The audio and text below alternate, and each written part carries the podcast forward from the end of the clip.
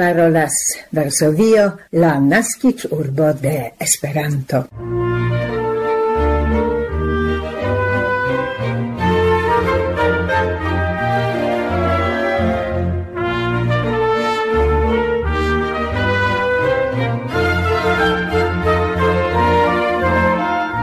Tre coran saluton, gesinjoroj, en la 1293 Esperanto elsendo de la Pola Retradio la kvinan de januaro jam en la nova 2024 jaro. Ci foje ne sole pere de Facebook kaj profiloj, sed propra voce nea tuta redakcia skipo transdonas al vi la porokaĵajn bondezirojn. Kaj ĉi tiu jaro jam komenciĝinta, ĵus komenciĝinta, estu por vi paca, secura, prospera, felicia. Che accompanu vin amo de viei proximuloi, amicezo de viei conatoi, cae de ciui, ciuin vi nun iare contactos, cum ciui vi cun laboros. Cun forta desiro che cio ci plenumigiu, ni ne povas casci che la 2024 jam en la comenzo enzorgigas multain el ni. Causoi multas. Con profunda bedauro cae compatto atingis nin la informo pri terura tertremo cae ehei terscuoi ciui plagis Japanion, cie trovijas multae niei auscultantoi cae radioamicoi.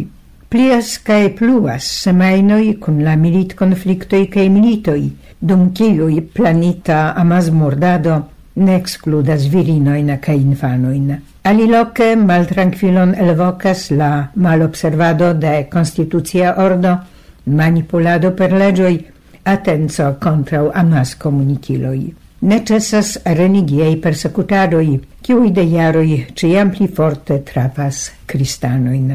Ne consentas cae cun solidara zorgo constatas ne mal discriminaci adon de virinoi cae atenzadon contrau ini nur kelkaj el la problemoi.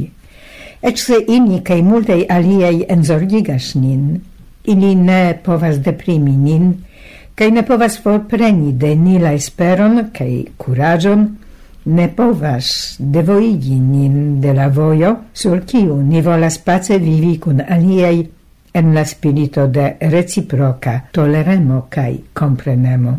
Montrigas, kiel atentigas niei kolegoj, che Zamenhof ideoi farigas ciam pli actualai. Ili estas ne nur pli actualai, sed besonai por lautigi en nia maltranquilla mondo plena de conflictoi. Malgrau cio ci ni esperu pri paca, tranquila 2024, kvara, al ciu ni ciui, inclusive de Esperanto parolantoi, inclusive de nea redakcio, desiras alporti positivan contribuon.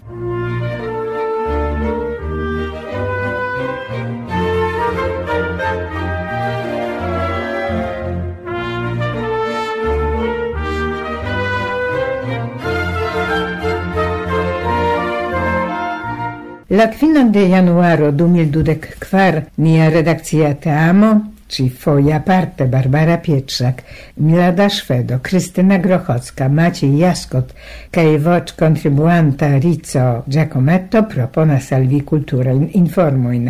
Maciek pretigis sekve sumigan felietonon pri eksterlandaj sukcesoj de polaj kulturkreantoj en 2023. En la Esperanto komunuma segmento Ni referencas al la lastaj gazetaraj komunikoj de UEA havante la mesaĝon por la 2024 kaj informone pri omaggio fonduso creigianta honore alla centiarigio de Gregoire Martens, exa UEA presidanto. Ne comenzu per cultur informoi.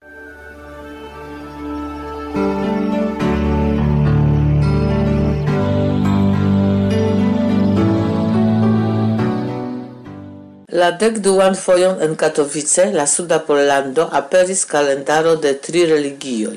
Ĝi estas frukto de kunlaboro de kristanoj, judoj, musulmanoj kaj krome sciencaj kaj kulturaj medioj. Ĝia gvidmotivo en la nunjara eldono estas scienco, sciencistoj transcendeco, kiu congruas con la agadoi de la urbo ricevinta en 2024 la titolon de Europa Urbo de la scienzo. La calendaro memorigas sciencistoin el ciui menciitai religiai medioi, ciui contribuis alla scienza evoluo cae samtempe estis forte ligitai kun Katowice cae Gia regiono. La ideo de la calendaro creigis dum la unua comuna scienza conferenzo en Teologia Facultato de la Silesia Universitato en Katowice, kiu celis comunan enpensigion pri la serciado de vero. La calendaro aperinta la unuan foion en 2013 estas prilaborata de reprezentantoj de la katolika, evangelia augsburga eklezioj, krome de la juda kaj musulmana komunumoj kunlabore kun la teologia fakultato de la Universitato en Katowice.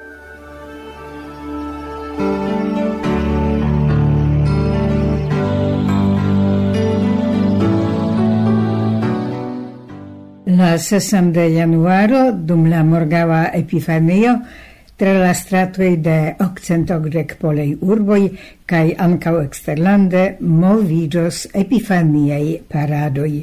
Akompanos inin la slogano En trogo li kuŝas, kiu estas cerpita el la dexepiarcenta crisnasca kanto La nova jaro hastas, cae ligas alla la de la Kristnaska Cripeto, arrangita la unuan foion de Sancta Francisco el Asiso en Grecio, Italio. En la nuna iaro, la Kristnaska Cripeto en Varsovio estis lokita ce la Castella Placo.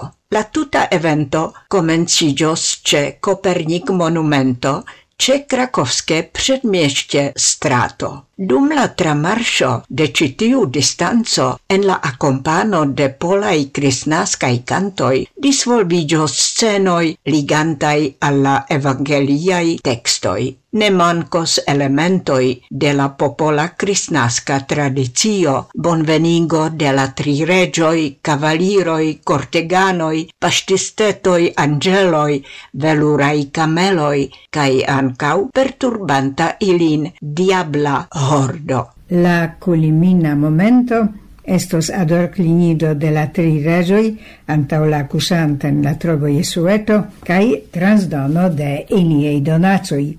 Tiun scenon cronos poloneso danzata sur la Castella Plazzo e la melodio de la crisnasca canto di Nasquillas cae comuna cun cantado de Kristnaskei cantoi. La nunieran paradon accompanas plastica poesia concursui cae concurso por kripet-elfarado. Kiel kristnask kripetan defion, oni proponas familiaen fotoin en epifaniaj vestoi, kiuj estu publicigitei en la sociaj portaloi.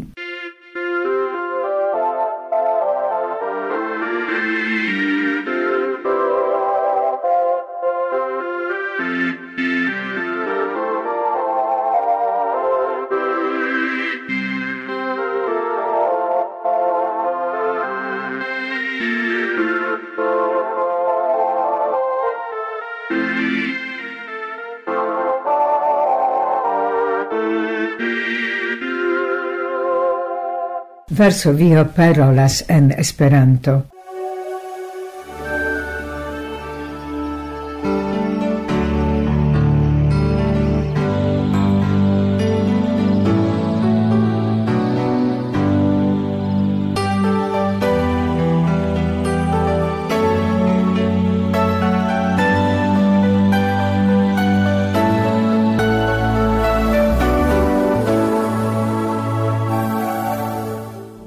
La 2023an jaron ne ciam ni rememoros pro gioiai okazintajoi, sed se temas pri la pola culturo cae ties popularezzo exterlande, la pasinta jaro sendube apartenas al jaroi successai. Se temas pri muziko, dauran rekonon ĝuis la jam konataj de jaroj polaj operkantistoj Piotr Beczała kaj Tomasz Konieczny, kiuj interalie triumfis sur la scenejo de la Viena opero en Lohengrin de Wagner au Jakub Józef Orlinski, kontrautenorulo pri kies sukcesoj ni jam plurfoje informis kaj kiu en 2023 lancis bone akceptitan de la kritiko albumon Beyond.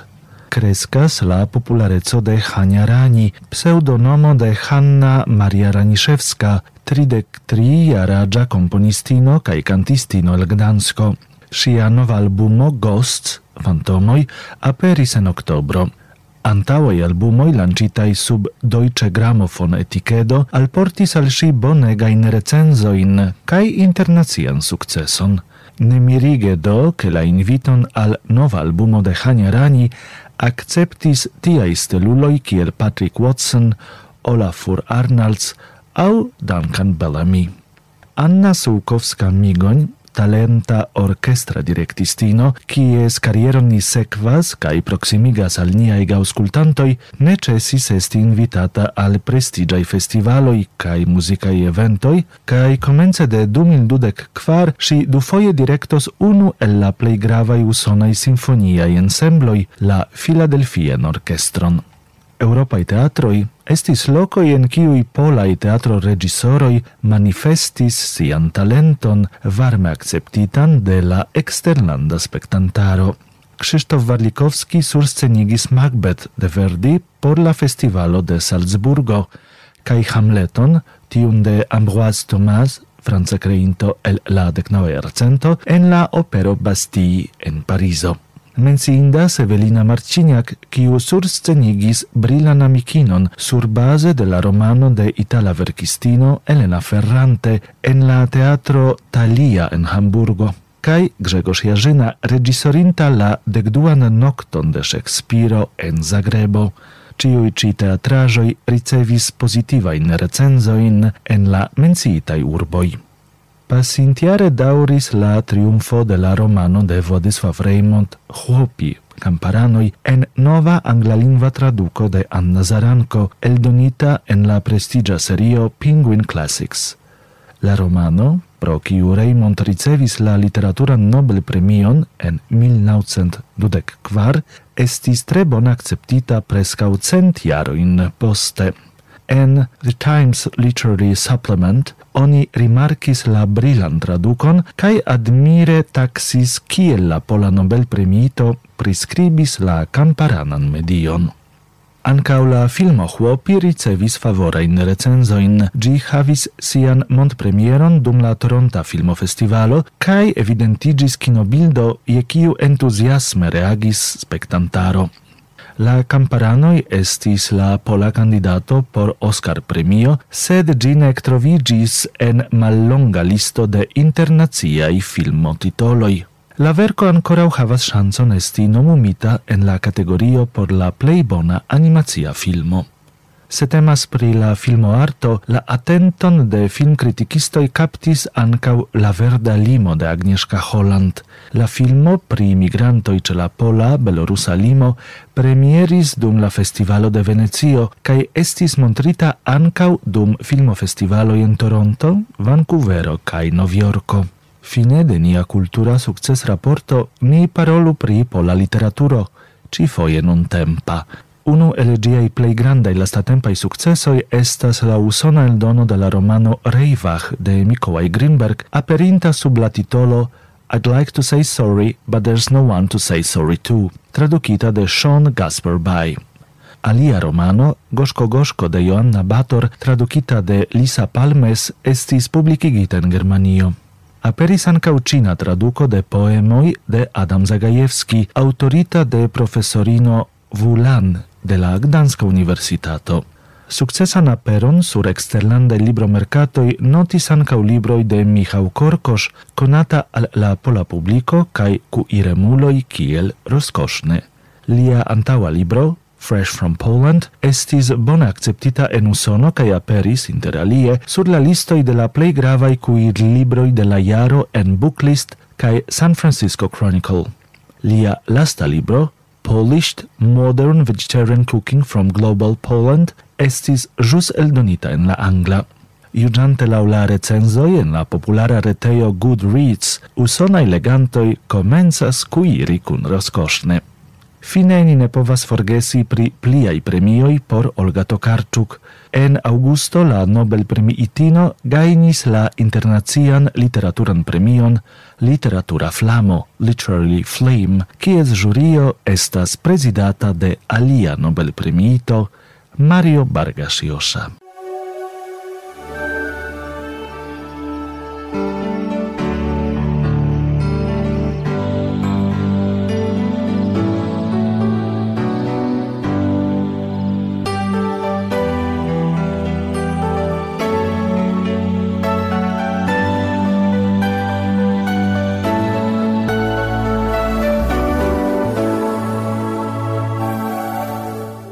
Parolas Varsovio, la nascic urbo de Esperanto.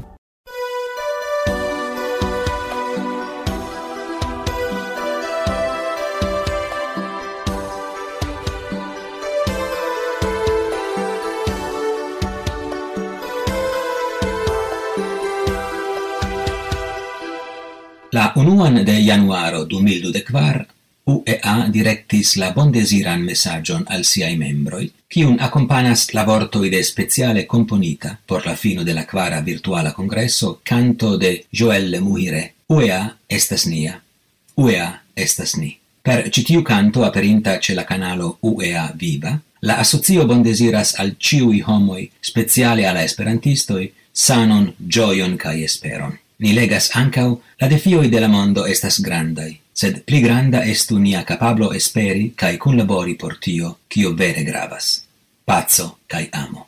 La gazetara comunico, el la unua de januaro 2024, attentigas che ciui estas bonvenigatai legi la noviaran messagion un verkis la presidanto de UEA, doctoro Duncan Charters, por la januara numero de la revuo Esperanto. En gi li resumas la iaron 2023, reliefigas grava in atingoen kai desiras al ciui vibrante gioian 2024. Laborante en concordo por certigi per la pli vasta usado de nia lingvo, pli compreneman kai pli pazan mondon.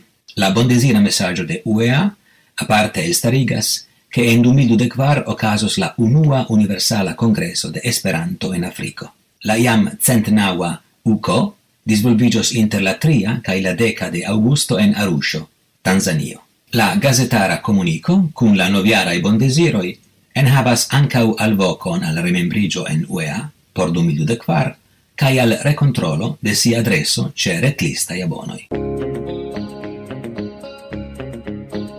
UEA, Universala Esperanto Asocio, via asocio, nia asocio, Ĉiujare ne forgesu remembrigi energii.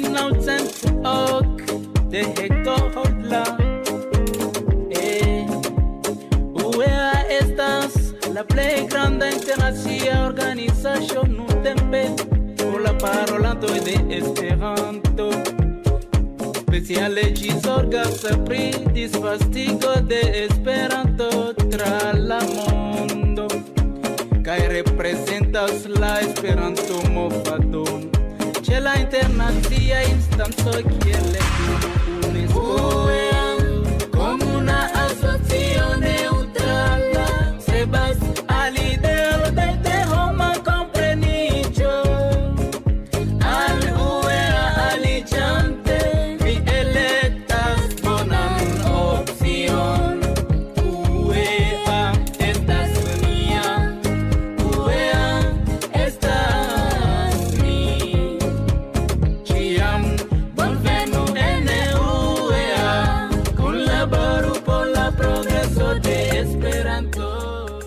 honore al la exa presidento de UEA, Gregoire Martens, es centa nascic dat reveno passis la 1 de januaro 2012 kvar, kaj kiu funkciis kiel la asocia prezidanto en la periodo 1980-1986, estas starigita la premio Gregoire Mertens. Gi estos aliugiota ciu jare al organizajo au esperantisto kiu aparte contribuis au contribuas al la progreso de la movado por Esperanto kai la rilatai demandoi. La jurio de la premio consistas el la exai presidentoi de UEA Renato Corsetti, Probaldas Gupta, Mark Fettes, Humphrey Tonkin, kai John Wells la jurio aperigos gvidlinioin pri la proceduro de propon presento kai pri la anoncmaniero de la ciu ĉiujara distingo. La premio venos el starigata fondajo Gregoire Mertens, al kiu contribuos la familio Mertens, kai ancau esperantistoi kiui recon admiras la por esperanta nagadon de Gregoire Mertens. La subteno donacoin acceptas UEA per speciala pagio.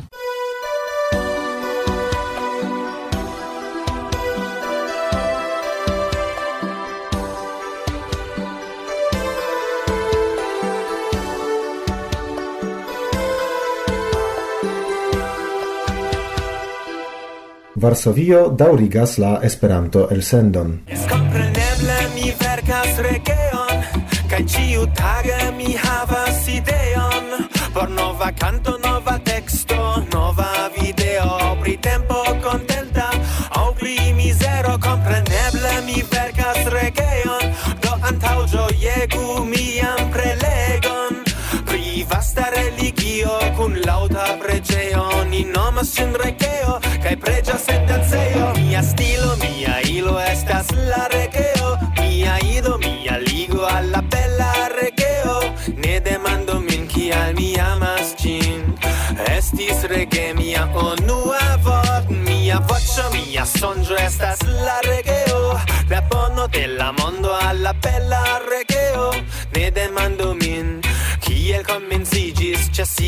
funkcias nur per mia mors Kompreneble mi verkas regeon Yes, kompreneble mi verkas regeon Miai kolegoi produktas aliain stiloin Mi restas verkanta regeon Yes, kompreneble mi verkas regeon Kompreneble mi verkas regeon Miai kolegoi produktas aliain stiloin Mi restas verkanta regeon mi verkas regejon kaj ĝi helpas dum tempo de kolero. Por trankvile observi homan fenomenon kaj solvi saĝe proprajn problemojn. Kompreneble mi verkas regejon ĝi estas simbolo de toleremo. Tiu kanto estas festo de la ĉesto de regeo en mia kresko proceso. Kiu kreas regon? Evidente ionemo. Veran belegan surprizon Soile de la nova jaro faras al ĉiuj muzikŝatantoj Vinil Cosmo, lancinte hodiaŭ kiel la distribuanto la plej novan albumon de Ionemo sub la titolo Petolas. Kiel ni ekscias, ĝia produktado komenciĝis tuj post la antaŭa aperinta en 2017 albumo Kreativa do ni devis attendi sep jarojn.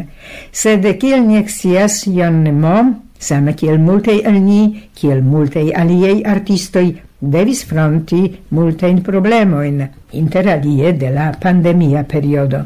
Malgraŭ tio li ne ĉesis labori pri la novaj tekstoj kaj jen frukto, la kompakta disko Petolas, kiun li prezentas kun sia produktanto For Connection do nove revenas Jeronimo, en sia caracteriza repa cae regea stilo, en cium, en cium ci foie en mixigis pli da viglaj sudamerikaj sonoj kaj ritmoj. Jeronimo profunde familiarigis en nia esperanto comunumo, sed spite tion ni memorigu, che iam en 2006 li komencis producti regeon, unu en la angla cae germana, sequis Esperanto. En 2011 li publicigis albumeton en Esperanto en somero. Gi iĝis granda successo en Esperantujo. Hip-hopa compilo 2 fixis lian pozicion inter Esperantistoi kaj plia codore gestilo entusiasmigis la tutan esperantistan mondon.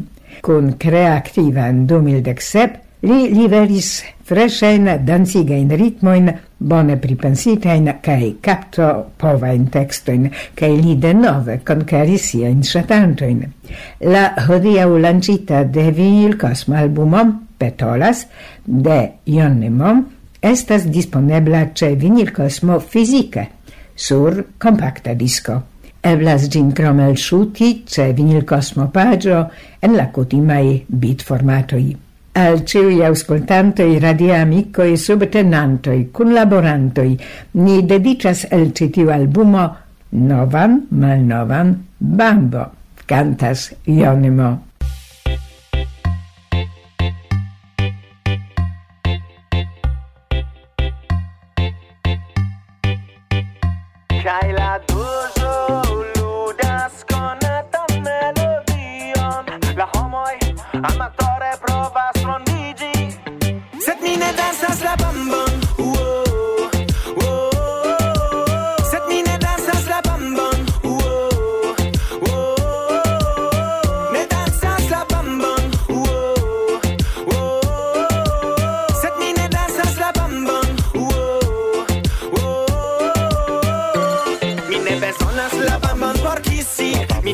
bezonas la bambon por flirti Mi ne bezonas la bambon por orgumi La bambon mi ne bezonas.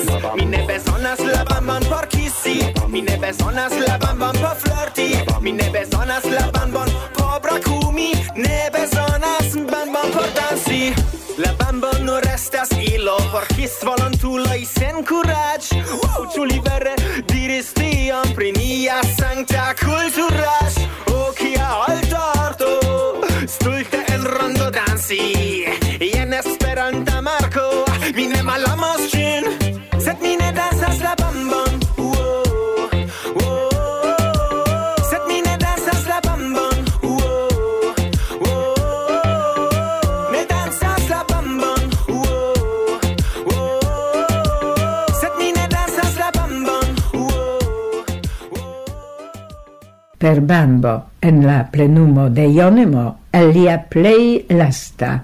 hodiaŭ lancita compacta disco Petolas, ni adiavas vin ge signori dis la sekva elsendo el Varsovio.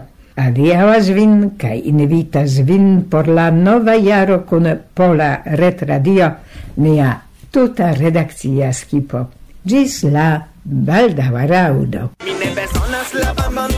Por kissi Mi ne bezonas la bambon por flirti Mi ne bezonas la bambon por orgumi La bambon mi ne bezonas Mi ne bezonas la bambon por kissi Mi ne bezonas la bambon por flirti Mi ne bezonas la bambon por brakumi Ne bezonas bambon por dansi.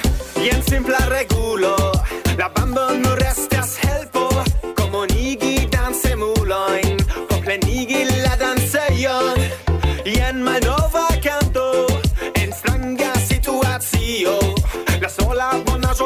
bambo estas Mojosa melodio Melodio, melodio Hey, fakte sufiĉe enkapiĝas ĝi Kaj mankas al mi esti kun miaj amikoj Sur la dansejo ĉiuj komune rondiĝi, brakumi kaj kisi Kaj tial mi dancas la bambon